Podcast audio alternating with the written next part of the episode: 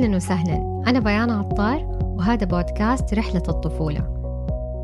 أهلا وسهلا. معانا اليوم شخصية مو أول مرة استضفناها. منار منشي أخصائية تغذية للأطفال ومدربة في التربية الإيجابية. منار ما شاء الله من الحلقات اللي استمعت كثير في أبل بودكاست. من أكثر الحلقات اللي تم تداولها وتحميلها. فما شاء الله طلبنا إن هي تيجي مرة ثانية والحمد لله إنها ما رفضت. أهلا وسهلا منار. أهلين بيكي. وبس أبغى أعلق على كلمة الحمد لله إنها ما رفضت. آه بالعكس يعني أنت ما شاء الله تبارك الله عليكي من الشخصيات اللي أنا مو عشان أنا طلعت في البودكاست حقك بس أنا من جد يعني مرة أرتاح في الكلام معاكي. وأحب أسمع البودكاست حقك لأنه أحس إنك أنت من جد أم. يعني يعني عارفة يفرق لما يكون المحاور هو أصلا مثلا بودكاست عام. ويكون المحاور هو أصلا يستضيف ناس مختلفين فهو مو فاهم الأمومة مو فاهم الأطفال. فتلاقي الأسئلة أحيانا تكون سطحية عرفتي؟ لكن انت الكلام معاكي واقع أكثر وممكن تجيبي لي أفكار أو تجيبي لي أسئلة أو أنا أو أي ضيف ثاني أسئلة ما هي موجودة في الإعداد لكن لأنك انت أم فالحوار يكون حقيقي جدا وواقعي. فبالعكس أنا المحظوظة أنك ثاني مرة تستضيفيني معاكي شكرا والله كلام يسعد جدا وإن شاء الله كمان نستضيفك مرة ثالثة. جهزي نفسك. أبشري. طيب منار المرة الماضية تكلمنا آه، عن التغذية. للأطفال واتكلمنا عن علاقتها بالتربية الإيجابية. هذه المرة نبى نرجع لورا أكثر نبى نتكلم عن التربية الإيجابية. كثير بنسمع اليوم التربية الإيجابية هل هي وفي تساؤل الناس عندهم هل هي التربية الغربية؟ هل هي تربية مونتسوري؟ هل هي مثلا حاجة جديدة ولا حاجة أصلا موجودة من زمان؟ فأعطينا تعريف للتربية الإيجابية.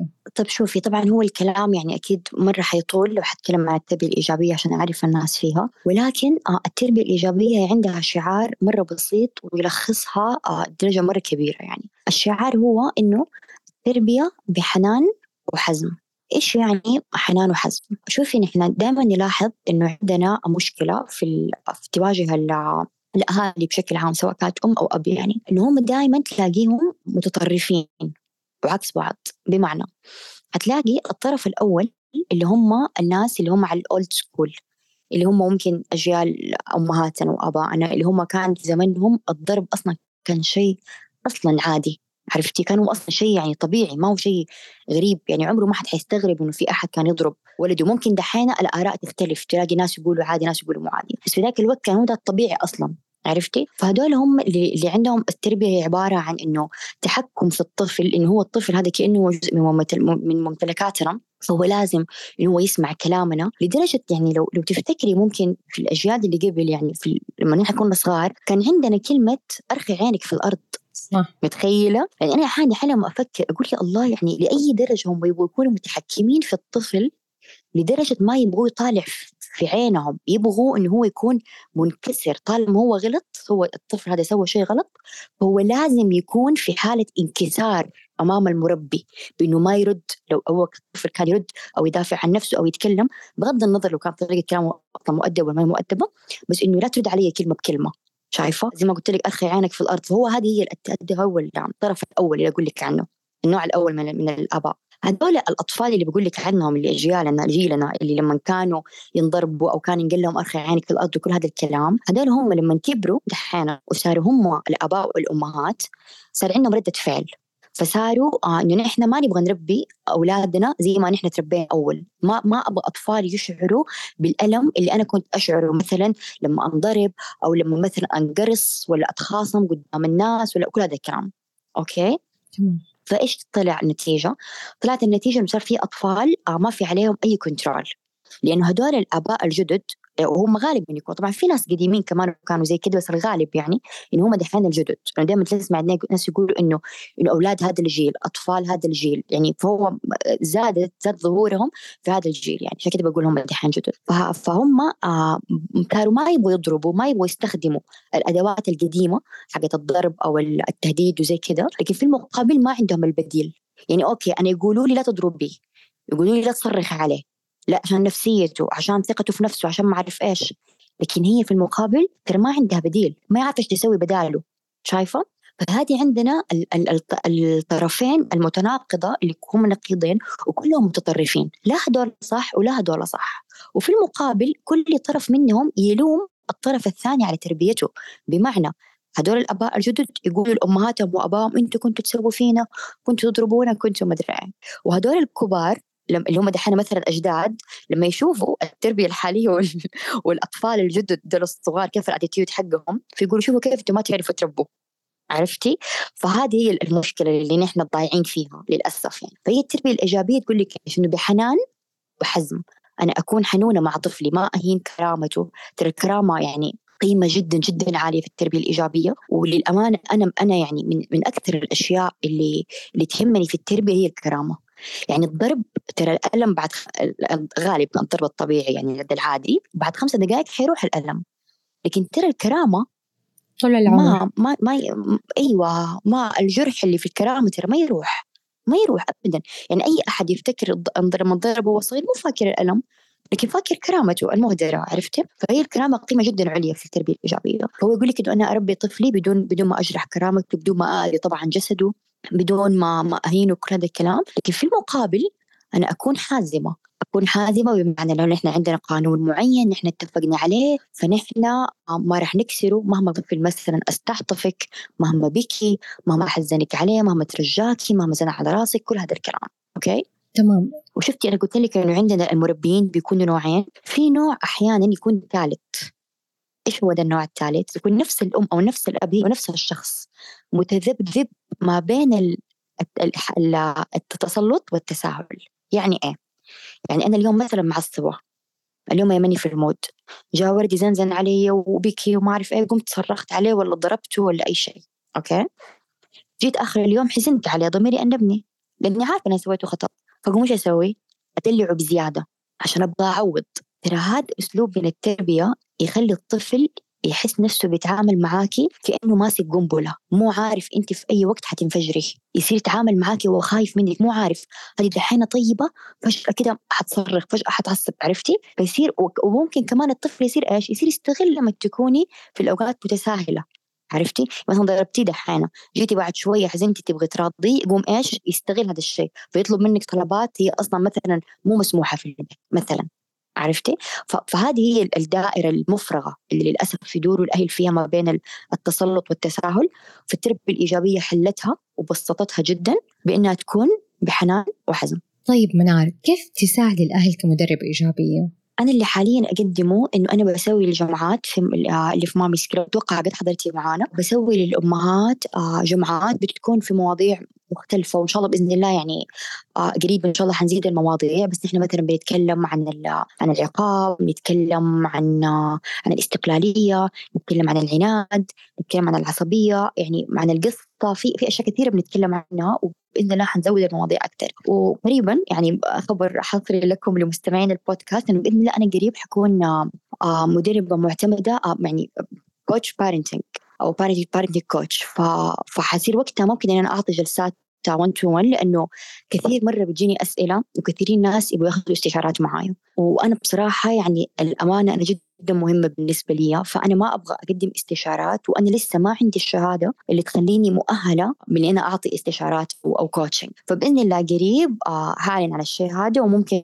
زي ما قلت الحلقة الثالثة تكون عن ال عن ال parenting coaching عملنا حلقة مع أستاذة حنين الخياري أوجه لها التحية عن موضوع parenting coaching كيف مدرب الوالدية يقدر يساعد الآباء بس أكيد حنعمل معاكي كمان حلقة عن تجربتك الخاصة. بس أنا حابة أعلق على اللي هي الجمعات اللي أنت بتعملوها في Mommies Club. يعني مو عشان انت موجودة وبمدح في ضيفتي بس فعلا فعلا مفيدة. أنا ما أفوت ولا جمعة. حتى لو الموضوع بالنسبة لي قد حضرت بهذا العنوان مثلا عن طريق آه، كيف نعاقب الطفل أو كيف نقرأ القصة بكون حريصة أني أنا أحضر مرة ثانية لأنه إلا ما أخرج بحاجة جديدة. حتى لو أني أنا سبق قرأت كتاب أو حضرت ورشة كاملة عن هذا الموضوع. آه عندكم أشياء جديدة أشياء مميزة؟ مريحة مريحة. بنحس نفسنا كده كأننا بنطبطب على بعض وبنعطي بعض آه، جرعات تخلينا نكمل الشهر الجاي.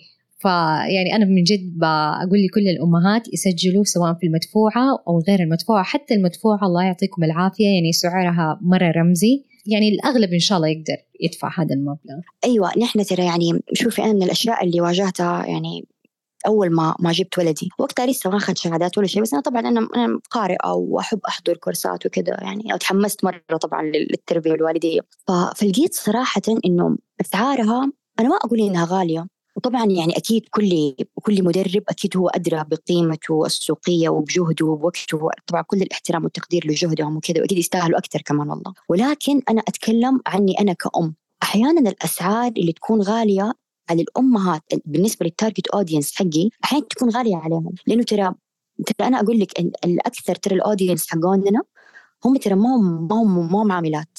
تخيل إنه الغالبية ترى المهتمين بالتربية واللي يبحثوا واللي يدوروا فيهم طبعا موظفات لكن الغالبية ترى والفرق كبير في النسبة. إحنا عملنا سيرفي فالنسبه الاكبر ترى غير موظفات فهم دائما يعني أنا أسمع دائما يقولوا إنه هم الأمهات يدفعوا مثلا 200 ريال في صالون لكن مثلا في دورة تستغل السعر أو شيء زي كذا. آه بصراحة أنا جربت أنا بعد مثلا ما جبت ولدي فتره كنت مثلا ما أشتغل آه كنت آخذ الكورسات هذه. فكان كنت أدفع أدفع السعر بس أدفع بصراحة أنا أقول لك أدفع السعر لأن أنا كمنار أنا مرة مرة مهتمة جدا يعني أكثر من من المعدل الطبيعي للأمهات لدرجة إن أنا تخصصت في الموضوع لدرجة أنا مهتمة عرفتي؟ لكن الام العادية آه الاهتمامها متوسط في التربية ولو نفترض مثلا ما هي موظفة فترى حتشيلها صراحة ال 300 ريال في الشهر. يعني ترى نحن كمان قد شفنا إنه إنه مصروفك لو أنت مثلا ما أنت موظفة مصروفك في الشهر طب كم بيكون؟ ترى بحدود 500 ريال. فأنا مثلا لو زوجي نفترض ماني موظفة زوجي يعطيني 500 ريال في الشهر دفعت منها 250 في دورة طب 250 كيف امشي حالي بيها طول الشهر؟ عرفتي؟ فمن جد حقيقة يعني نحن بنسوي محتوى مجاني كثير كثير مرة يعني تقريبا نحن كل شهر عندنا جماعة مجانية وأتوقع حضرتك حضرتي معانا إنه من جد الجامعة المجانية ترى أبدا مو إنه عارفة أي كلام كذا تسليك إنه عشان بس نبغى نبغى نسوق لنفسنا أو شيء لا لا بالعكس. والله بنجتهد فيها زي المدفوعة بالضبط. بس الفرق الوحيد شوف أنا أقول لك هي الفرق الوحيد بينهم إنه المجانية يوم واحد والمدفوعة يومين. شفتي أنا أقول لك هي لكن التعب في المحتوى التجهيز الإعداد الأنشطة التمارين حقيقي كلها نفسها 100% فحقيقي نحن نبغى نساعد أكبر عدد من الأمهات وما نبغى إنه أم تكون هي مثلا متحمسة ومهتمة لكن مثلا بسبب السعر ما ما ما حصلت على الفائده اللي هي تستحق إنها تحصل عليها. الله يعطيكم العافية. طيب منار بما إنكم أنتم متبعين منهج التربية الإيجابية، إيش اللي يفرق بينها وبين التربية بطريقة فطرية؟ أنا شوفي دائما يقولوا إنه الأمومة فطرة وإنه يعني أحيانا أشوف مثلا تعليقات في السوشيال ميديا إنه خلاص يعني تعبتونا طفشتونا كل شوية كل شوية أحد ينصحنا وأحد يدينا تعليمات كل أم هي أدرى بطفلها. ولكن يعني صدق أو لا تصدق إنه الأم ترى مو هي أدرى بطفلها. أنا أنا أفرق بين عندي عندي مصطلح ثاني أنا اشوفه أنسب لهذا الموقف. يعني مثلا أنت تتدخلي في أم مثلا في أم معينة ناس كثيرين نصحوها بنصائح مختلفة في الأخير هي الأدرى. أنا ما أشوف إنه هي الأدرى. حتى لو كان علي أنا نفسي. أنا مثلا لما جبت ولدي الناس كلهم قاعدين يدوني نصائح وأنا سويت اللي في راسي فمو لأني الأدرى مو شرط أكون أنا الادرى ممكن ترى واحدة نصحتني ممكن عندها علم أكثر مني ممكن عندها خبرة أكثر مني. ولكن لأني أنا أم طفلي فأنا الوحيدة اللي عندي القدرة على اتخاذ القرار فيما يخص طفلي. لكن مو شرط أنا الأدرى. ممكن أكون أنا الأجهل. صح ولا ممكن أنا أكون أم بس أكون جاهلة؟ أكيد.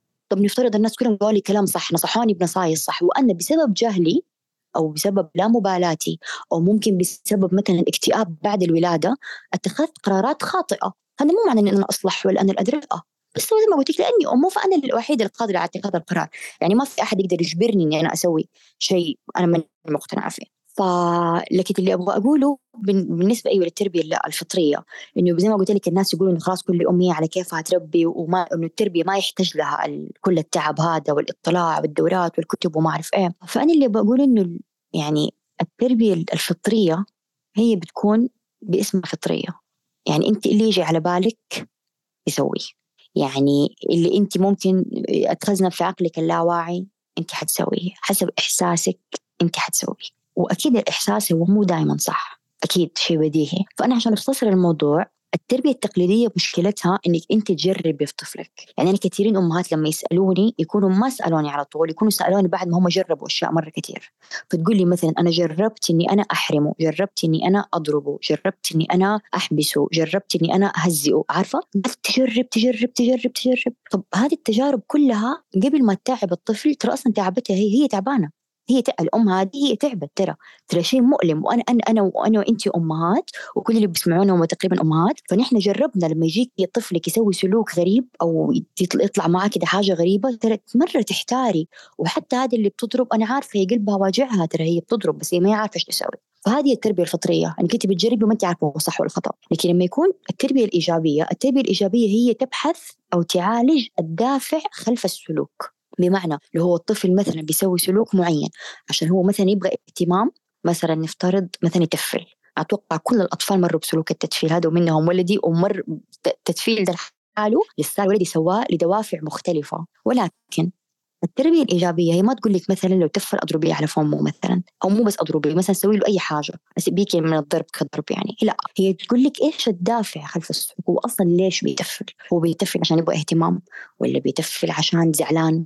ولا بيتفل عشان بيجرب. فبناء على الدافع خلف السلوك أنا آخذ أكشن مع الطفل. فبالتالي خلاص الطفل حيبطل لأنه أنت عالجت الدافع. فأنا أشوف إنه التربية الإيجابية على الأقل هي تحط يدك على الجرح بدل ما تجلسي تجربي في نفسك وفي ولدك. والله أعلم إيش هي التجارب هذه وكيف تأثيرها على طفلك وعلى علاقتك به وعلى ضميرك. أنت الأمهات كلهم ضميرهم أنبهم كيف أعرف الدافع؟ شوفي هي التربية الإيجابية فيها reference نحن عندنا reference من خلاله حسب سلوكيات الطفل وحسب شعور المربي. نقدر نعرف إيش الدافع خلف السلوك، لكن أنا حقول لك مثال، عندما قلت لك أنا التتفيل يعني هو سلوك جدا شائع. في السنين الأولى كده عمر السنتين سنة ونص ثلاث سنين تقريبا كل الأطفال يمروا بهذا السلوك، فاني مثلا واحدة سألتني قالت لي إنه أنا ولدي آه يتفل. وكلهم قالوا لي طنشي وهو لسه مستمر طنشته وهو لسه مستمر. يزيد. لما تطنشي يزيد بعض الأحيان. قال ما أعرف قالت لي زي قالت لي ما ما وقف. قلت لها قد إيش طنشتي؟ قالت لي أسبوع. أسبوع ترى فترة طويلة إنه أطنش وهو لسه مستمر. فقلت لها هو متى يتفل؟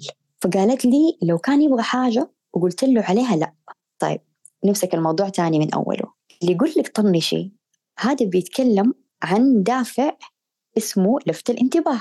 فهو الطفل لما هو يكون بيتفل وأنا مثلا كل مرة أتنرفز ولا أعصب ولا أخاصم ولا ولا حتى لو أضرب ترى لما يشوفني أنا بعطي له الانتباه أصلا هدفه انتباه يبغى يبغى انتباه أساسا. فلما يشوفني أعطيته هذا الانتباه حيستمر فيه. كل ما يبغى يبغى الانتباه حيتفل. ودائما أقول الطفل ما يفرق الانتباه هذا عبارة عن ضحك ولا عبارة عن مخاصمة ولا عبارة عن ضرب ولا أي ولا صراخ أيا يكن. الطفل أهم شيء يبغى انتباه. طيب؟ فهم لما قالوا أعطوني شيء هي هي طفلة ترى ما بيتفل أصلا يبغى انتباه فعشان كده ما وقف. فلما سألتها إيش الموقف اللي بيتفل فيه إيش قالت لي؟ قالت لي هو يتفل. لما أقول له على شيء لا معناها إيه؟ معناها هو بيتفل كتعبير عن الشعور أو أو الرغبة في التعبير عن الرفض أو إنه زعلان منك. فعشان كده بيتفل. فهمتي؟ فهذا لو طنشتيه إلين بكرة هو أصلا حيستمر لأنه هو أصلا ما بيتفل عشان يبغى انتباه، تجاهلك له ما فرق معاه في الدافع، هو بيتفل عشان يعبر، لك أنت زعلتيني أنا زعلان منك إنك مثلا أنت قلتي لي على حاجة أبغاها تمام؟ فقلت لها مثلا في هذا في هذه ال case يعني إيش قلت لها تسوي؟ قلت لها هو الطفل كان صغير يعني يمكن عمره سنة ونص شيء زي كذا يعني مو كبير فقلت لها أول حاجة علميه الأسماء المشاعر هذه المشاعر يعني اي بي سي الحياة مو التربية والله اي بي سي الحياة إنه الطفل أصلا يعرف مشاعره لأنه شوفي يعني كل الكبار البالغين اللي نحن نشوفهم. أحيانا ممكن على أشياء بسيطة مرة ينفعلوا ويصرخوا أو يكسروا. يعني يعني إحنا نسمع ترى عن ناس كبار زيي وزيك لما يزعلوا ترى يكسروا. ومرة يعصب أو ممكن يضرب ممكن واحد يضرب زوجته ممكن هذه الأم نفسها هي لما تعصب تضرب أولادها. ليش هذا كله؟ لأنه ما في ذكاء عاطفي أو ما في فهم للمشاعر. فهم المشاعر هذه من متى يبدأ؟ المفروض إنه هو يبدأ من هذا العمر الصغير من العمر اللي تيجي فيه نوبات الغضب. فنحن لما ما نعلم الطفل من هذا العمر مشاعره ولين يكبر هو ما تعلم هذا الشيء يكبر يطلع عندنا بالغ بهذه بهذه السلوكيات. ولكن نرجع ثاني فأنا قلت لها أول حاجة للطفل هذا اللي يتفل لما أمه تقول لا. قلت لها أول حاجة علميه أسماء المشاعر. قلت لها جيبي له صور لأطفال حقيقيين. كل طفل بيسوي بوجهه يعني تعابير تعبير مشاعر أو شعور معين. قلت لها وخليه يقلد كل شعور هو كيف. مثلا الفرحان كيف وجهه؟ وأنت لا أنت هو ألعبه. آه والزعلان كيف وجهه؟ وزي كذا. فيصير كل ما مثلا هو يعصب إنه وقتها كان ولدها ما يتكلم. فقلت لها كل ما هو مثلا يعصب أو ويتفل مثلا طنشي التتفيل وذكريه بتعابير الوجه لما يكون زعلانين كيف. عرفتي؟ فمع التكرار التكرار طبعا يبغى لها صبر أسابيع. مع التكرار حيبدأ خلاص هو يحفظ هو لما يزعل يسوي بوجهه هذا الشد هذا التعبير الوجه هذا اللي هو زعلان وهي تتعاطف طبعا مع مشاعره وتنزل لمستوى تتكلم معاه عن الحاجة اللي هي قالت له عليها لأ أو زي كذا فبكذا حيكون عندنا أختلف سلوك التتفيل طيب؟ لكن زي ما قلت لك لو هو مثلا كان بيتفل عشان لفت نظر هذا الحل معاه مثلا تجاهل. تجاهل وإنك أنت في المقابل تعطيه الاهتمام على السلوكيات الجيدة. لأنه في الأخير الطفل اللي يبغى اهتمام حيكرر أي سلوك يجيب له اهتمام. ما يفرق معاه. لا نوع اهتمامك إيش هو ولا نوع سلوكه إيش هو. فاللي أنا أقصده إنه اتجاهلي السلوك هذا السيء اللي هو بيسويه ولما يسوي أي سلوك جيد أعطيه الانتباه وشجعي وحكي أبوه وحكي جدته. فيصير هو إيش يربط إيش يربط الطفل؟ يقول أنا لما أتفل هي تطنشني ما تعبرني. فأنا إذا ما حأتفل لكن في المقابل أنا مثلا لما مثلا آه، أفك الشوز الله يكرمك والجزمة وأرجعها مكانها مثلا تشجعني. فيصير هو مثلا يستمر على السلوك اللي هو يرجع جزمة مكانها لأنه هذا السلوك هو بيجيب له انتباه ويجيب له تشجيع ويوقف السلوك الأول. منار برضو أحس شوية صعب. يعني صعب نحن كأمهات نعرف الدوافع. آه شوفي يعني طب لو تلخصي لنا الدوافع عند الأطفال مثلا لفت الانتباه رغبة في التعبير عن الغضب إيش في كمان دوافع أخرى؟ أول حاجة أنت تعليقك أو سؤالك كان على شقين. آه إنه هو صعب على الأمهات أكيد هو ما أكتب عليك. أيوة صح ما في أحد حيقدر يعرف الشيء هذا بدون ما هو يكون قرأ أو اطلع أو حضر. ورك شوب أو شيء زي كذا. وهذا اللي نحن في ماميز كلوب نحاول نسويه إنه نحن نبسط المعلومات للامهات ونعلمهم إنهم هم يكونوا يعني هم يكونوا المدربة التربية الإيجابية لطفلها يعني هي هي تعرف تعالج تعرف هي تعدل سلوكه بنفسها. لما هي تعرف الدوافع هذه وتعرف كيف تعرف الدافع وزي كذا. آه لكن بالنسبة لإيش هي الدوافع؟ هي دوافع تكون طبعا مختلفة بس طبعا الشائع الأكثر شيوعا منه واللي حيجي على بالي أقول لك هو لفت الانتباه آه الغضب الانتقام القيادة. في أطفال أحيانا اللي نحن نقول عنهم عنيدين هذول الأطفال هم هم مرة يحبوا القيادة وهذا اللي يخليهم يعندونا في كل شيء. كل شيء نحن نقول لهم عليه يقولوا لأ يقولوا لأ. كمان عندنا إيش ممكن؟ غالبا هي هذه أهم أهم الدوافع يعني باختلاف السلوك. فهي التربية الإيجابية ما تتكلم عن عن السلوك الظاهر لأ. هي تتكلم عن الدافع لأنه الدافع أنت لو عالجتيه حيختفي السلوك أو حيتعدل. لكن أنت لو لو ركزتي فقط على الظاهر ممكن ترى لو مثلا أنت ضربتيه مثلا كل ما يتفل لو أنت ضربتيه حيبطل يتفل خوفا منك. لكن لأنه هو مثلا لا زال يبغى اهتمام فيصير حيسوي سلوك تاني عشان يبغى اهتمام. وأغلب الأطفال للأسف لما يبغوا اهتمام يسووا سلوكات سلوكيات سيئة. أو لو مثلا زي هذه الأم اللي قلت لك عنها هو مثلا لما يزعل يتفل هتلاقيه مثلا بطل يتفل لكن إيش يسوي؟ مثلا يرمي. يرمي أشياء عليها أو يضربها أو يصرخ. فما حتخلص حيطلع حيبدأ من سلوك لسلوك من سلوك لسلوك. لكن لو عالجت الدافع حتختفي المشكلة على الاغلب طب ما تلاحظي إنه الفكر التربوي اليوم يهتم براحة الطفل أكثر ونفسيته وأهم شيء إنه هو نعرف الدوافع وعشان لما يكبر ما تصير عنده صدمات. وهذا كله يكون على حساب الأم والأب. هم الناس يعتقدوا كذا وأنا ما ألومهم لأنهم بيحسبوا كذا لأنه قد تكون نوعية المحتوى أحيانا وما أدري والله ممكن أنا أحيانا بسوي الشيء هذا وأنا ما أعرف. أنا يعني أحاول قدر المستطاع إني أنا ما أكون ابدا آه، انب الام أو انب لها ضمير. أنا أصلا هي اللي فيها مكفيها. ومهما كانت الأم قاسية حتى لو ضربت أطفالها هي ما مبسوطة بتضربهم. فأنا مو دوري إني أنا أقول لها ترى أنت أم شريرة أنت كيف تضربيهم؟ أنت ما عندك قلب خاف الله لا لا أنا ما أتكلم زي كذا مثلا. فأنا أساعدها إنه كيف المفروض ما تضربهم. لكن ممكن أنا في يوم من الأيام بدون ما أقصد سويت محتوى آه، ضايق أم. أو حسسها انها هي أم مثلا ما هي ما هي كويسة أو اللي بيسوي خطأ أو ايا يكن. التربية الإيجابية أنا يعني ما أقدر أتكلم عن المناهج الثانية في التربية لأني ماني متخصصة فيها بس أتكلم عن التربية الإيجابية لأن أنا هي هي اللي أنا يعني خبيرة فيها وعندي شهادات فيها. تصدق أو لا تصدق إنه التربية الإيجابية تحفظ كرامة الأم واحترامها. لأنه في التربية الإيجابية ترى مو مسموح إنه طفلك يصرخ عليكي، مو مسموح ابدا. يعني ترى أنا ولدي لما أحيانا مثلا يطلب مني طلب بطريقة مو مؤدبة مثلا قال لي أبغى عصير وصرخ. ترى ما اعطي له العصير. أنا ما أضرب أنا ما أضرب. والمرات اللي أصرخ فيها أكيد أصرخ لكن يعني مرات يعني أقدر أقول لك إنه الصريخ أنا بالنسبة لي ما هو شيء عادي. يعني أنا الصريخ عندي لو صرخت فهو شيء يعني نادر. اكتبه ترى يعني اعتراف اعتراف حصري عندك. ترى أنا من يوم ما جبت جسار وأنا كل مرة عصبت فيها أكتبها عندي note في الجوال. ما لك كم مرة وصلت لكن أكتبها عشان ما أبغى أعود نفسي إنه هذا شيء عادي. ممكن أنا over أنا أبالغ ما أدري ايا يكن يعني. لكن اللي بوصل لك هو إنه أنا مثلا ما أصرخ كثير مو مو مو طبيعي عندي طول الوقت أصرخ لا لا ماني كذا ولا عمري في حياتي ما ضربته. لكن مو مسموح إنه مثلا يكلمني بنبرة غير مؤدبة. أي طلب يطلبه مني. أقول له كيف نطلب؟ يقول لي لو سمحتي. هذه تربية إيجابية. تربية إيجابية عارفة إيش؟ إنه مثلا أنا لو قلت الآيباد مثلا هو ساعة واحدة في اليوم وخلص الساعة يتقفل الآيباد وانتهينا. ما في زن. ما في زن. ما ما أبغى الآيباد والله يخليكي وبس خمسة دقائق وبس نص ساعة ما في. هذه التربية الإيجابية. فأنت بالتربية الإيجابية احترمتي نفسك انه طفلك أصلا ما يقل ادبه عليكي.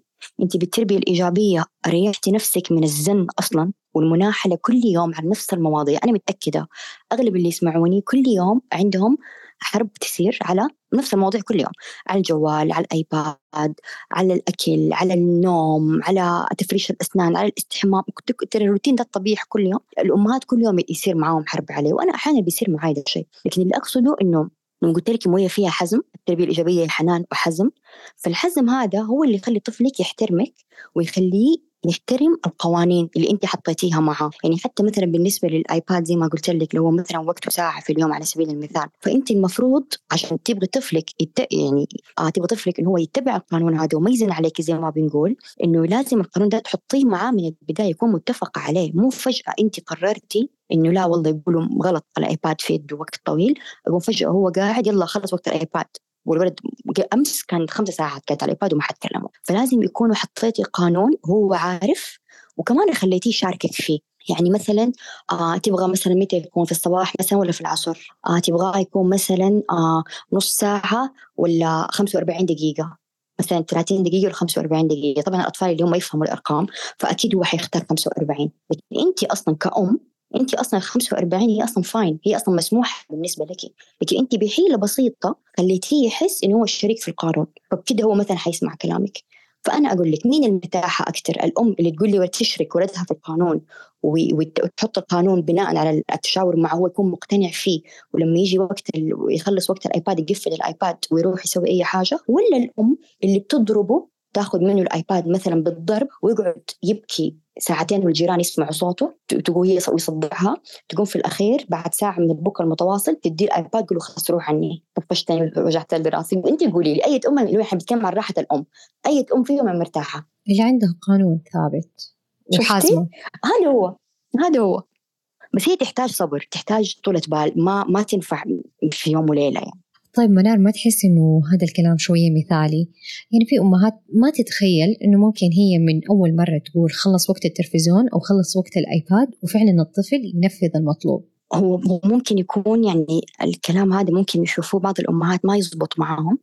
يعني هم يجربوا الأسلوب هذا مثلا مرة واحدة.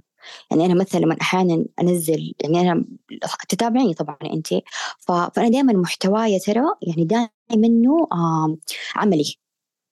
يعني في أحيانا كده بتسمعي معلومات تحسي طب ما انت عارفة طب أنا إيش أسوي؟ طب بعد الفيديو إيش إيش الشيء اللي أنا المفروض أسويه انت عارفة؟ أنا كلامي دائما أقول خطوات. واحد سوي كذا اثنين سوي كذا ثلاثة سوي كذا دائما كذا كلامي أنا. فبعض التعليقات تجيني تقول لي أنا سويت وسويت مثلا وما زبط. مثلا نفترض مثلا على على مثلا اللي تفل تقول لي سويت له اللي قلتيه وفي نفس الوقت تفل علي مثلا. طبيعي لما أنت تكوني مثلا بتعطيه آه ردة فعل على مدة مثلا شهور أو سنين ردة فعل معينة وتيجي مرة واحدة تغيريها طبيعي إنه هو ما راح يتغير سلوكه من مرة واحدة. فهي يعني التربية الإيجابية تحتاج صبر وتحتاج إنك أنت ما تاخذيها تجربي. أنت لو جربتي وما زبط معك حتقولي ما زبط عرفتي؟ لكن أنت لما تاخذيها بإنك انت أنت مقتنعة إنه هذه هي أصلا يعني رحلتي في التربية. هم أنا لما يكبروا وأنا أصلا حفضل اربيهم بهذه الطريقة فإلا ما حتلاقي آه إنه هو بدأوا يتغيروا معك يعني دوبك أنت قلتي مثال مثلا كنا بنتكلم على الآيباد إنه ما أتخيل إنه في طفل آه أقول له خلص وقت الآيباد وخلاص يقفل ويسكت يعني. ف... فأنا بقول لك شيء أنا مثلا ولدي من عمر السنتين مثلا خلاص مسموح انه هو يتفرج شاشات يعني بس تخليه يتفرج في التلفزيون مثلا 20 دقيقة. طيب المرات الأولى مثلا يعني مو يعني بعد كذا بعض المرات في البداية يعني كان لما كان يبكي أنا أنا أحط له منبه في الجوال. فصار مثلا يبكي إنه يبغاني أفتح له ثاني فطبعا ما أفتح له ثاني فخلاص بعدين خلاص ما صار يبكي. ده الكلام ده الكلام من هو عمره آه سنتين. لما صار عمره ثلاث سنين يعني والله العظيم يا بيان بلا مبالغة بعد سنة كاملة وأنا كل يوم يرن المنبه ويعني يبكي بين حين وآخر عرفتي؟ ولأنه هو غالبا ممكن عارفني عموما في كل حاجة ماني من النوع اللي ححزن أو أو حغير كلامي أو حسمح إنه قانوني يكسر لو بكي فهو يبكي شوية كده حق عارفة كده محاولة أخيرة يجرب يزبط ولا ما يزبط. الحين جسار وصل لمرحلة إنه أنا أدخل الحمام الله يكرمك وأحط الريموت جنبه وأحط الجوال جنبه. وأقول له شوف دحين الجوال حيرن المنبه بعد شوية لما يرن أنت بنفسك تعرف تقفله صح؟ والله العظيم ما بين يعني أدخل أنا الحمام الله يكرمك واخرج ألاقيه هو بنفسه قفله ولدي جسار عمره ثلاث سنين ده الشيء بدأ بدأ معاه بس بعد إيه؟ بعد سنة كاملة من سنتين إلين ثلاث سنين. حتيجي أم دحين تسمعني تقول لي الله أنا أبغى أستنى ثلاث سنين؟ أنا حقول لها طب أنت أصلا كده ولا كده؟ كل يوم أصلا بت...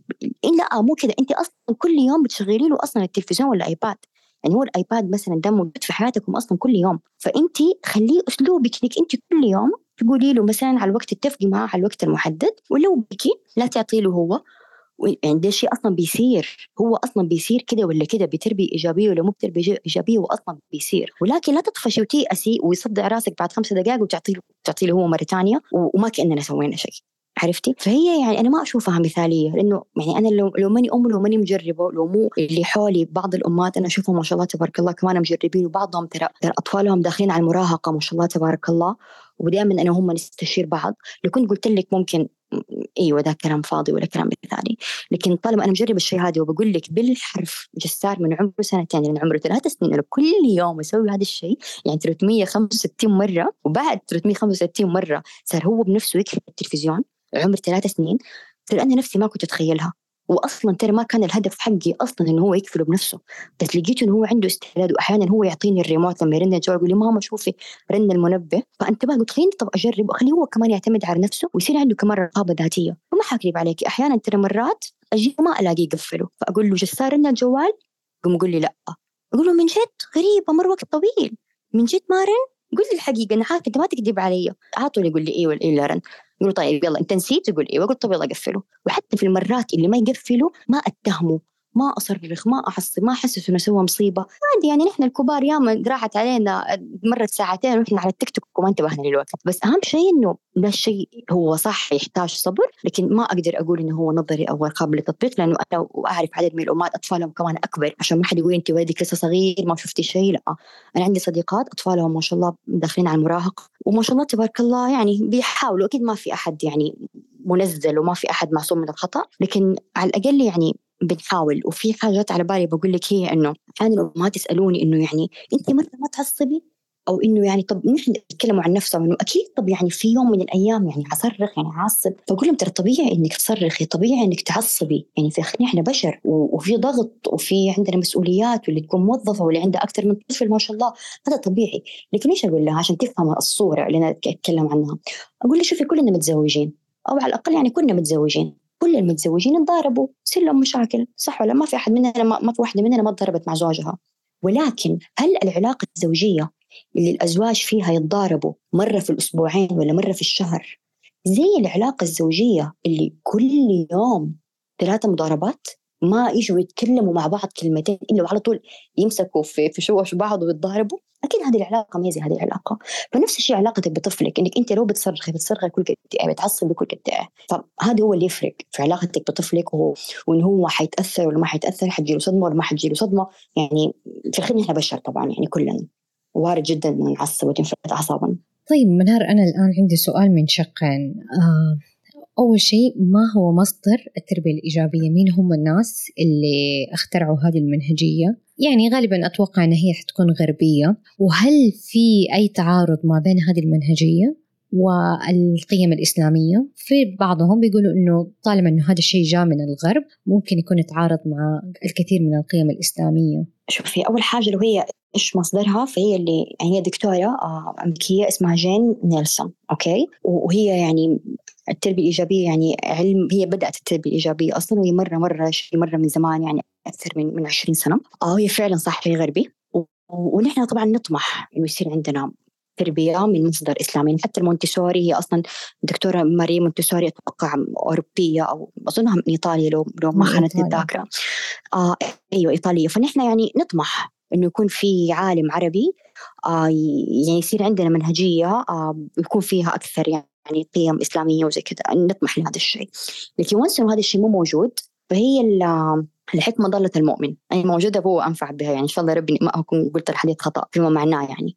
فنحن نقدر ناخذ العلم من أي مكان زي ما الدكاترة اللي عندنا كل كتب الطب ما في ما في كتاب طب ترى بالعربي عرفتي؟ فحنقول لا ما نتعالج ولا ما ندرس طب عشان والله هي مصدرها. أجنبي ما نقدر نقول الشيء هذا. ولكن فيما يتعلق بالقيم فهي التربية الإيجابية يعني يعني ما فيها آه أصلا قيم أجنبية. ما فيها أصلا يعني حاجات ممكن تكون مختلفة بينه وبينهم. هي أدوات هي أساليب عرفتي؟ فأنت حسب بيئتك حسب علاقتك بأطفالك أنت كيف حتوظفيها لكن هي أساسا ما فيها ما فيها قيم. هي أكثر حاجة يعني زي ما قلت لك الكرامة وأتوقع كل البشرية يتفقوا على على كرامة الإنسان. لكن ما فيها مثلا حاجات لها علاقة مثلا ببر الوالدين أو تتعارض يعني مثلا مع مفهوم البر بالوالدين الإسلامي عندنا أو أشياء مثلا لها علاقة يعني للأسف هو الترند مثلا دحين عندنا أو المثلية الجنسية أو شيء زي كذا لا لا ما له علاقة بأي من هذه المواضيع. هي فقط تقول لك أدوات كيف إنك أنت تتعاملي مع طفلك وتوجهيه بدون ما آه تضربيه وفي نفس الوقت تكوني حازمة معه فقط. وحتى لو نفترض إنه كان نحن اي أي مصدر اي أي مصدر بنرجع له لو لقينا فيه أي شيء يتعارض معانا فنحن في الأخير يعني حنفلتر أكيد. يعني في الأخير كلنا الحمد لله آه، بالغين وواعيين وحنعرف نفلتر وإيش اللي يناسب قيمنا وإيش اللي ما يناسبنا وزي كذا يعني. لكن أقدر أقول إنه لا هي أصلا ما فيها قيم هي قيم معينة يعني. ما هو مبدأ الثواب والعقاب في التربية الإيجابية؟ كيف بيتعاملوا مع هذا الموضوع في حالة إنه أخطأ الطفل خطأ شنيع يعني ضرب سب شتم؟ شوفي وأول شيء نحن طبعا بنشوف الدافع خلاص؟ ولو كان طفل كبير يعني مثلا عمر أربع سنين خمس سنين عشر سنين يعني نحن حنتكلم معه حنفهم هو ليش سوى الشيء هذا. آه حن حنشتغل معاه إنه نحن نغير السلوك هذا عنده زي ما قلت لك فاكر اللي اللي ولدها يتفل لما يزعل؟ فأنا إيش قلت لها؟ قلت لها تعلموا آه المشاعر وتعلموا آه سلوك بديل يسويه لما يزعل وزي كذا. فنفس الشيء مثلا بالنسبة لل الكبار يعني حتى للعمر الأكبر. إنه حسب بس حسب اللي يناسب عمره طبعا يعني. يعني هي تحتاج تدريب أوكي؟ ولكن يعني في الأخير نحن ما إحنا في عالم مثالي والأطفال ممكن إنهم هم يصروا على الخطأ مهما نحن كأهالي حاولنا نحن نتفهم و ونشوف الدافع ونتفق وكل ذا الكلام. أيوه. يعني برضو مهما كان إلا أطفال يعني ونحن نحن أنا وإنت كنا أطفال وكانت تجينا أوقات نحن نصر على الخطأ نحن نبغى نسوي الخطأ. يعني كلنا كل البشر عندهم الشيء هذا حتى الكبار في الكبير اللي يدخن مثلا عادي. كل البشر خطائين. ولكن لو صار هذا الشيء فهو آه يقول لك أول حاجة إنه العواقب. مو تعاقبي في حاجة هي العواقب. يعني إيش؟ أديكي مثال. آه نفترض مثلا أنت قلتي لهم آه إنتوا إنتوا مثلا ما تحطوا ملابسكم في سبت الغسيل. أنا حتكلم هنا العمر الأكبر شوية إنتوا ما تحطوا ملابسكم في سبت الغسيل. طيب ليش ما تحطوها؟ ودائما تذكري ودائما تنبهي. وهم مصرين يعني صبرتي عليهم كثير وعودتيهم كثير بس هم راضيين قعدتي معاهم. طيب يلا إيش الحل؟ إحنا لازم نحط عاقبة لهذا السلوك. إنتوا بتسووا خطأ. أنا أتعب لما أنا كل يوم أفضل أدور على غرفكم كلها. الام الملابس الوسخة واللي الاقيه تحت السرير واللي الاقيه على الأرض. يلا إيش نسوي؟ ممكن ترى هم يقترحوا. فمثلا قالوا لك خلاص اللي ما يحط ملابسه في الغسيل لا تغسليها متفقين؟ متفقين. كلكم موافقين؟ كلكم موافقين. خلاص طيب جاء ثاني يوم مثلا جيتي تغسلي لقيتي بنفسك أنت شفتي الشراب مرمي على الأرض. هنا يجي الحزم. لا تشيلي الشراب خليه على الأرض. خليه. لما يجي يوم بعد يوم بعد يوم شراريبه اللي في الدولاب حتخلص. النظيف حيخلص. ما حيبقى الوسخ شفتي؟ فهذه عندك العواقب. يصير بعدها هو حيتحمل المسؤولية وهو حيقوم يغسل شراريبه بنفسه. فهنا خلاص هنا أنت ما تدخلتي. فهذه هي العواقب اللي نحن نقولها. ممكن مثلا يكون إنه لو أنت مثلا مثلا تكون أنت مثلا خارجة وأنا حخرج لو أنتم إحنا متفقين مثلا على وقت الآيباد وصارت كم مرة انهم مثلا ما يناموا لما تكوني أنت برا البيت مثلا يسهروا ويجلسوا على الآيباد مثلا يعني. فأنا اتفق خلاص معاكم. مثلا أنا لو لقيت إنكم أنتم آه مثلا جلستوا على الآيباد أكثر من الوقت اللي إحنا أصلا متفقين عليه أنا حسحبه مثلا لمدة أسبوع مثلا. متفقين؟ أيوه متفقين. خلاص بعد كده هم ما التزموا بالقوانين هم جدهم عارفين إيش السيء اللي حيصير وهم أصلا من أول متفقين عليه. لكن العقاب كيف يكون؟ الفرق بين بين العاقبة والعقاب. العقاب يكون بدون آه أصلا آه اتفاقيات مسبقة. يعني من الظلم مثلا يا بيان لو أنا مثلا بنتك طيب من الظلم إنه أنا في يوم آه مثلا كنت ألعب معاكي مثلا وأضربك وتضربيني وبعدين نلعب ونضحك على السرير مثلا. نلعب ونضحك وأنا أضربك وأنت تضحكي. جينا ثاني يوم ضربتك ضربتيني. هذا ظلم للطفل. هو مو فاهم انت إيش بك. طب أنا أمس كنت أسوي أسوي الشيء هذا وأنت كنت تضحكي. طب ليش اليوم فجأة ضربتيني؟ فلازم نحن لما نحط العاقبة ضروري إنه نحن نعطي الطفل أصلا خبر فيها يكون هو عارفها وموافق عليها واتفقنا عليها من قبل. هذه الأشياء كلها ضروري تصير لكن نفاجئه بضرب أو بصراخ على وغالبا ترى يكون حسب مزاجنا ترى.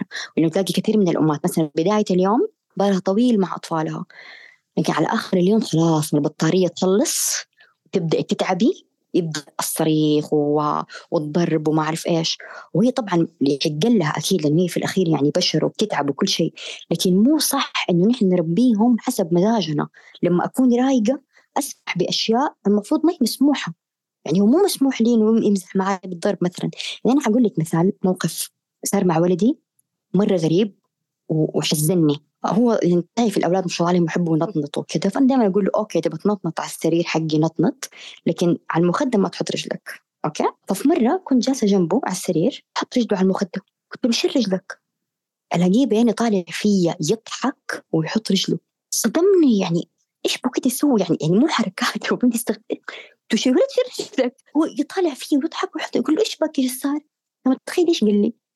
قال لي دغدغيني. يا قلبي. لأنه هو أحيانا لما يمسك شعري يمسك شعري مثلا كده مو جرب هو كده يمسك شعري كده يأذيني أو شيء فقوم أنا أدغدغ أقول ليه تمسك شعري تمسك شعري وأدغدغه. فهو مسكين صغير مو فاهم إنه أنا بالنسبة لي الرجل على المخدة هذه خط أحمر ما فيها مسح. فهو مسكين حط رجله على المخدة يبغاني أدغدغه. فأتخيلي لو إني أنا مثلا أضرب فأنا ضربته على رجله هو مسكين كان بس يبغاني ألعب معاه. فهمتي؟ يعني من جد حزنتينا عليه. والله أنا أقول الحمد لله أنا ما ضربته. يعني أنا بس قلت له إنه إيش يعني أتفاجأت منه. لكن حقيقة كم أم ضربت طفلها لأسباب ودوافع زي كده وهي ما هي عارفة. فهذا هو اللي نحن نقوله إنك أنت لما تكوني يعني فاهمة في التربية وعارفة وبتحاولي قد ما تقدري فأنت حتى تأنيب الضمير اللي عندك زي ما قلت لك الأم اللي تضرب ولدها أنا أم زيها ترى أنا أم زيها وعارفة. هي ما هي مبسوطة. كل أم ضميرها انبها آخر اليوم يعني أنا أحد لو صرخت عليه ضميري انبني وعارفة أي واحدة بتضرب أي واحدة بتقرص أكيد ضميرها بيأنبها أنا عارفة. فهي لما تتعلم هذه الأشياء وتعرف تتواصل مع طفلها وتقدر تفهمه قد ما تقدر يعني أكيد ما حنقدر نفهمه 100% بس قد ما تقدر هي نفسها حترتاح. إنه أنا طفلي قادر قادر إني أنا أتواصل معه قادر إني أنا آه، أفهمه قادر إنه هو يطلب مني الشيء ونتناقش عليه. كمان يعني ممكن من من اللقاءات الجاية اللي ممكن نسويها. إنه ممكن في يوم مثلا نتكلم عن الحوار. إنه كيف مثلا عمر سنتين وعمر ثلاث سنين أنا يصير بيني وبينه حوار ونتناقش على شيء ونوصل لاتفاق. ما يكون لغة التواصل بيننا أنا أصرخ وهو يبكي ويصرخ. بس هو كده أنا أقول له مثلا على شيء لأ هو مثلا يبكي ويصرخ لين اعطي له. ولا هو مثلا بيسوي شيء أقوم أنا عشان أمنعه أصرخ عليه عشان يوقف الشيء هذا. فلغه التواصل بيننا تصير بس صريخ. فعشان كده تلاقي الأطفال أحيانا تجيهم كثير نوبات غضب وكل ما أقول كل ما أحد مسكهم على طول بكيوا وصرخوا. لأنه هذه هي لغة التواصل سايره بينه وبين أهلهم. حتى لو كان هو الطفل كبير يعرف يتكلم. يعني الكلام واللغة شيء والتواصل شيء ثاني من جد حلقة نحتاجها. طب شوف منار نحتاج أداة تناسب يعني المواقف الطارئة. يعني مثلا كنا في مول. وطفلي فجأة أخذ شيء من المحل وكسره في الأرض كده بدون سبب. أو كنا في عزيمة وفجأة طفلي قام بدون سبب يضرب في الأطفال. بدون ما أعرف الدافع الآن أنا في موقف مرة صعب موقف طارئ. فنبقى أدوات لهذه المواقف اللي ما فيها وقت إنه نحن نفهم الدافع الآن. طيب شوفي دائما الأسئلة هذه تجيني. ولدي في السوق ما أعرف إيش سوى ولدي في العزيمة. نفس نفس الكلام اللي قلتيه سبحان الله الأمهات كلهم زي بعض. نفس الكلام ده العزيمة والسوق. نحن متعبيننا العزايم والسوق. هذه وانت ما انت في السعودية يعني مرتاحة من العزايم ترى انت طب هنا برضو عندنا العزايم وبتصير نفس المواقف بس مو زي عزايمنا صدقيني مو زي عزايمنا. صح. المهم ف... فاللي أبغى أقول لك هو شوفي دائما ترى السلوك اللي يطلع في العزيمة هو يعني أنا أنا أقول عنه حاجتين. الحاجة الأولى إنه هو غالبا يكون أصلا امتداد لسلوكيات في البيت. ترى.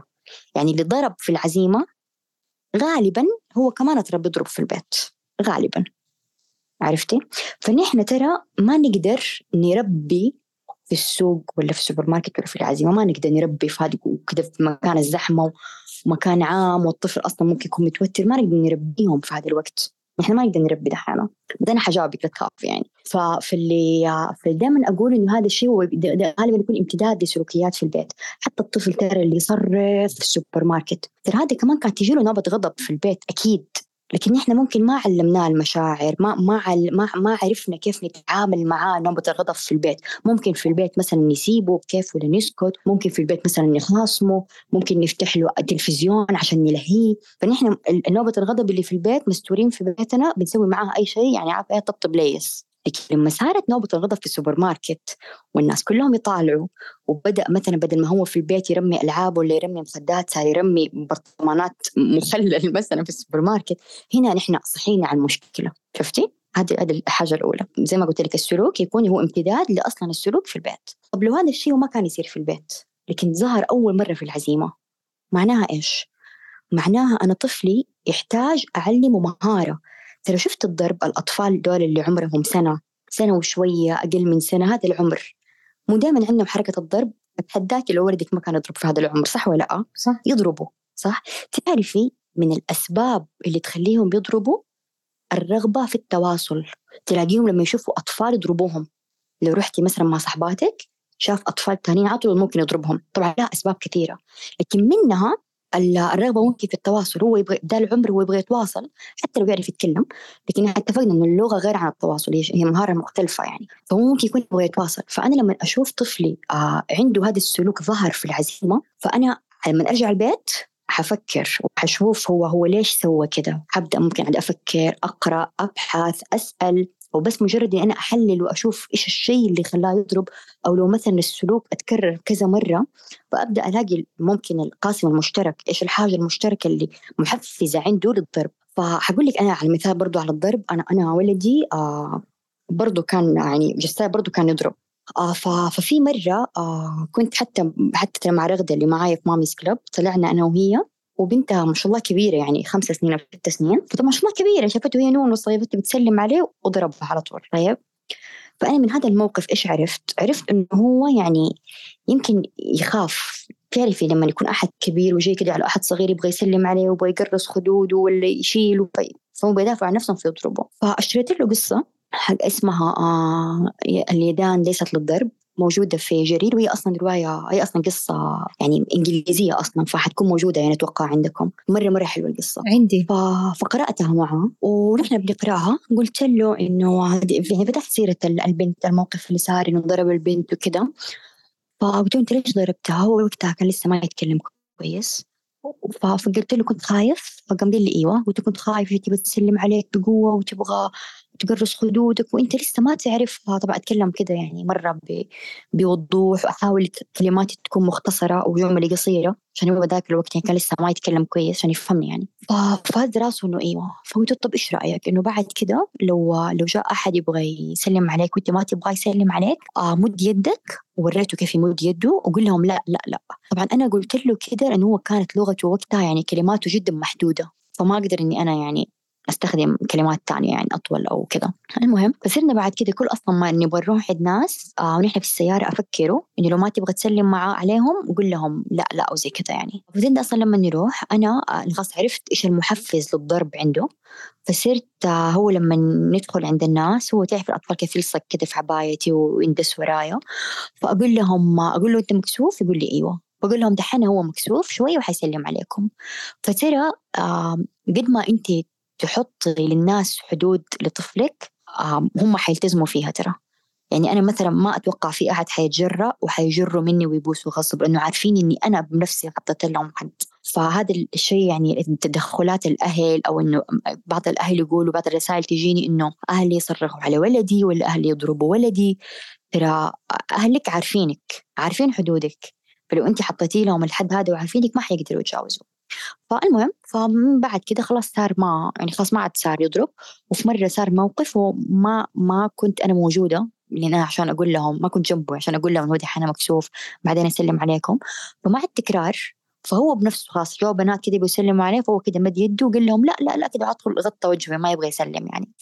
فزي كده يعني الموقف هذا اللي يصير ان بابليك أو في مكان عام يا إنه هو امتداد لمشكلة أصلا في البيت أو علامه إنه طفلك يحتاج مهارة معينة طيب هذا الجواب العميق الواجب اللي أنت تسويه لما ترجع البيت بعد ما يخلص الموقف ده ترجع بيتك طيب لكن إيش نسوي في وقتها في نفس المكان اللي نحن فيه آه لو حنتكلم مثلا عن موقف الضرب. فأنا طبعا أول شيء طبعا حوقفه على طول. وغلط إني أنا أمسكه أقول له أعتذر أعتذر أعتذر ترى ما حيعتذر يعني كلنا نقول لأطفالنا بالغصب بيعتذروا وكلهم ما يعتذروا. فهذا معناه إنه اللي نحن أصلا بنطلب منهم هو مو مناسب دحين. فالمفروض إني أنا عشان أعلمه الاعتذار ونحن مثلا بنقول لا كيف لازم أعلمه الاعتذار؟ هو كده بالعكس بي بي يعني بيصغرك قدام الناس. يعني بتحطي نفسك في موقف إنك تقولي لطفلك يسوي شيء هو يقول لك لا قدامهم. أنت كده يعني بتحرجي بتزودي الإحراج أكثر هو ضرب أصلا ودحين زاد الإحراج وطولتي في الموقف وصاروا الناس يطالعوا أكثر وأنت تتوتري أكثر وتعصبي أكثر فاللي نحن نسويه إنه نحن عشان نعلمه الاعتذار آه نحن نعتذر من الشخص اللي هو ضربه. يعني هو يكون معانا ونحن مثلا كان طفل مثلا ننزل لمستواها مثلا البنت هذه ننزل لمستواها ونقول له هو ضربك معلش نحن آسفين المفروض هو إنه ما يضربك بس هو مثلا كان خايف ولا هو مدرس نحن عارفين إنه أصلا غلط إنه هو يضربك هو يحبك ويلعب معك يعني حسب أي كلام تقولي فأنت لما يشوف قدامك يشوف قدامه هو كيف الاعتذار يكون هو مع الوقت حيجي يوم وحيعتذر بنفسه. أما أعتذر قول له آسف قول له I'm sorry وهو يعاندك كمان يقول لك لا حيكره الاعتذار. افترض مثلا لو زي ما قلتي لي مثلا موقف آه في السوبر ماركت مثلا كسر حاجة أو شيء هذا الموقف بصراحة يعني مرة كبير وجدا محرج إنه مثلا كسر حاجة في السوبر ماركت أو شيء. فخلينا ناخده على على أبسط مثلا هو ما كسر بس هو مثلا قاعد يصرخ نفترض مثلا. فأنا هنا مثلا أنزل لمستوى أحاول إني أنا مثلا أحضنه. لو الطفل هو متعود على هذا الأسلوب أو هذه لدة الفعل في نوبات الغضب حيهدأ يعني حيهدأ لو بنسبة بسيطة. آه ممكن مثلا تشيلي آه تتكلم يعني إنت زعلانه عشان تبغى كذا وأنا مرضى اشتري لك هو أتناقشي معاه في الموضوع. لو سمعك لو لقيتي لأ آه إنه إنت كلامك معاه بالعكس بي بيعصبه زيادة وهو لسه مستمر مثلا في السوبر ماركت انه هو يصرخ فإنت هنا عادي ممكن ترى تشيليه وتاخذيه وتخرجوا. يعني ما مو ترى مو كل المواقف لها حل في نفس اللحظة. لكن لو مثلا كسر حاجة فهنا هو معصب يعني مو كسرها عن لعب لا كسرها وهو معصب مثلا. فهنا آه، أنا ما حقدر إني أنا أصلا أتناقش معه وأتفاهم معه. فأكيد إني أنا مثلا حدفع قيمتها حطلب منهم ينظفوها حاعتذر أنا منهم وأنا حأخذوه في البيت حنتناقش في الموضوع حنتفق إنه هذه الحاجة خطأ.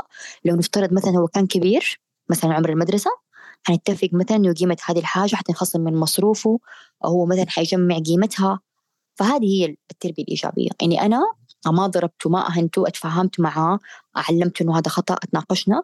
وفي الأخير هو دفع هو اللي دفع قيمتها مو أنا. لكن لما أكون ضربته وأنا دفعت قيمتها أنا أكون أهنته قدام الناس مثلا في السوبر ماركت وحقد علي زيادة لأني أنا أهنته وحيفضل فاكرها العمر كله. وهو في الأخير نسي أصلا موضوع البرطمان ترى نسي نسي أصلا ضربتيه مشكلة العقاب ترى يعني من من سلبيات العقاب إنه العقاب يخلي المشكلة شخصية بينك وبين طفلك. يعني ترى الطفل لما تعاقبيه ترى ينسى إنه هو إيش كسر مثلا في السوبر ماركت ينسى. حيركز هي ضربتني هي خاصمتني قدام الناس هي سوت لي يصير دي الفكرة مسيطرة على مخه. لكن لو أنت خليتيه مثلا يدفع قيمتها حيصير مركز في الحاجة اللي هو اللي هو كسرها. وحتى ترى ال time out لما تقول مثلا روح غرفتك أو شيء زي كذا يعني روح فكر أنت إيش سويت شيء خطأ. للأسف هو ما حيفكر في شيء خطأ. يعني يعني صح okay الحمد لله أنت ما ضربتيه وكل شيء لكن مجرد تقولي روح غرفتك. هو حيروح الغرفة هو معصب. يعني ما حيروح هو هادئ أو رايق لا حيروح هو معصب وحيفكر فيكي إنه هي قالت لي أروح هي هي سوت لي هي عملت لي. فزي ما قلت لك تصير مشكلة شخصية. لكن لو أنت علمتيه وساعدتيه إنه هو يصلح الخطأ وكانت العاقبة لها علاقة بالخطأ هنا أنت بتعلميه مهارة. بتعلميه كمان إنه ممتلكات الناس نحن ما يحق لنا نكسرها. أو مثلا الناس نحن ما يحق لنا مثلا نضربهم. لما انت نزلتي للبنت واعتذرتي منها وقلتي لها أنا عارفة إنه اللي سواه خطأ وهو ما حيسوي كده مرة ثانية وما أدري إيه فهو بيتعلم إنه يحترم حدود جسم الناس إنه ما يضربهم إنه أشياء الناس ما يكسرها. فهنا نحن نكون بنربي. مو بس آه نفرغ آه غضبنا. انه في كثير من الأحيان ترى الضرب زي ما قلت لك يكون إنه أنا معصبة فأنا ما مسكت نفسي وضربته. وأنا كده قاعدة أفرغ الضغط اللي فيا. وليس إني أنا قاعدة أعلم ولدي مهارات وقيم في الحياة تنفعه وتكون شخصيته إلين 20 سنة زي ما قلتي. جميل. طب منار لو في أم ما تبى تتخصص في مجال التربية الإيجابية؟ ما تبى كورسات كثير كتب هي مشغولة عندها وظيفتها أو حتى لو في في البيت بس حابة تمتلك أدوات تربوية. إيش ممكن تسوي؟ إيش في مصادر تساعد الأمهات إنهم يتحسنوا في تربيتهم بدون ما يتخصصوا تماما ما بدهم يصيروا مستشارات. يبوا بس لأبنائهم في البيت. هذا هو اللي نحن بنقدمه في ماميز كلاب يعني أنا آه شفت أنا أنا قلت لك أنا مرة قارئة يعني. بس أنا أعرف إنه إنه الأمهات بالذات هم ما عندهم وقت. يعني شوفي أنا رغم إني أنا مرة قارئة ناهمة لكن بعد ترى ما صرت أم صرت بالقوة ألاقي وقت أقرأ فيه. وجاتني فترة ترى انقطعت عن القراءة. هذا وأنا يعني مرة مرة أقرأ كثير. فما بالك لو أم هي أصلا بطبيعتها هي يعني مو كثير يعني قارئة أو تشتري كتب كثير وكذا أو حتى لو تشتري بس ما عندها وقت تقرأ. فأنا أتفهم جدا والله يعني انشغالهم. فهذا هو الحل اللي نحن حاولنا نقدمه عن طريق Mommy Scrub إنه نحن أكيد طبعا بنصنع المحتوى اللي هو على ال social media والجمعات اللي هي بتكون مجانية زي ما قلنا ومدفوعة وبتكون يعني مدتها ساعتين بس في اليوم يعني يا ساعتين بس أو ساعتين لمدة يومين ده ال maximum يعني عندنا وبنحاول انه إحنا نلخص فيها كل ال كل الكلام ده اللي قلناه وكل الكتب ممكن اللي إحنا قرأناها أنا وأنا وشريكتي رغدة. آه، هي by the يعني أغلب الجمعات بنسويها مع بعض أنا وهي. وهي آه هي life coach آه للأمهات. فشفتي دوبي لما قلت لك إنه في كثير من الأحيان يكون العقاب هو أصلا بس تفريغ الضغوط اللي عندنا إحنا كأمهات فهي رغدة آه، بتمسك المشكلة من هنا من عند الأم نفسها فالأم هي نفسها لو هي مضغوطة لو هي عندها مشاعر غضب لو هي عندها تأنيب ضمير أيا يكن فتقول لك أحيانا الأم مثلا هي عارفة أنا عارفة إنه هذا غلط أنا عارفة إنه هذا صح بس أنا ماني قادرة أسويه. وهي راغدة تشتغل معاهم على هذه الأشياء على المشاعر والأفكار والمعتقدات وكذا. وبعدها أنا بعلمهم الأدوات البديلة اللي هم المفروض هم يستخدموها. فنحن يعني اللي بنحاول نسويه إنه إحنا عارفين انشغال الأمهات وعارفين إن وقتهم للأسف مو ملكهم. فبنقدم لهم هذه الجمعات بنقدم لهم معرفة بطريقة يعني مرة مبسطة نفس أسلوبي ده اللي بتكلم معاكي بيه. هو نفسه لأن بتكلموا معاهم. آه ما يعني قلت لك قبل شوي إنه أنا ما أحاول أبدا إني أنا يعني أقول لأي أم إنك أحسسها إنك أنت شريرة ولا كده لأنه أنا عارفة الأم اللي ضربت هي ما ضربت عن شر. هي ضربت لأنه هي مضغوطة وضربت لأنها ما عارفة إيش تسوي. فنحن اللي نسويه أنا ورغدة إنه رغدة تساعدها كيف تتحكم أو تتخلص من هذا الضغوط وأنا بعلمها إيش تسوي. بس نحن بس بنساعدهم. يعني ما ما بنحكم على أي أم وهذا الكلام والله مو مثالي بس يعني نحن أمهات وفاهمين. فمو فمو من مو من العدل إني أنا مثلا لأنه مثلا أنا أخذت مثلا كورسات في في التربية الإيجابية أو مثلا نفترض ان أنا ظروف حياتي مثلا بشكل معين فأجي أطلع كده على المنبر وأطلع في ال social media وكل الأمهات اللي تسووا كده وتسووا كده أنتوا أصلا اللي تسووا خطأ أو أنتوا أصلا ما حستفيد لو قلت لهم كده. مين مين اللي استفاد؟ ما يعني أنا مثلا بقول لك إنه الأطفال شوفي الدافع خلف السلوك عندهم وعالجيه أقوم أنا مثلا أتكلم مع الأمهات بطريقة مختلفة لأ. المفروض طالما أنا عارفة تربيه إيجابية فالمفروض أتكلم مع الأمهات بنفس الشيء أساعدهم أعالج الدافع اللي عندهم وأعلمهم إيش البديل. ممكن نحن نسمي عنوان الحلقة معرفة الدافع من كثر ما تكلمنا ما شاء الله عن معرفة الدافع إنه هو هذا هو سر التربية الإيجابية بس يعني حتى كل سؤال بس لك هو بتقول معرفة الدافع هو فعلا هذا هو المفروض. وممكن في البداية يكون صعب علينا بس مع الأيام إن شاء الله حنعرف. أم أيوة وزي ما قلت لك نحن نحاول في في الجامعات يعني اللي نسويه إنه نحن نفصل في الموضوع ونساعد الأم يصير عندها يعني هي الأم تقريبا زي المرجع.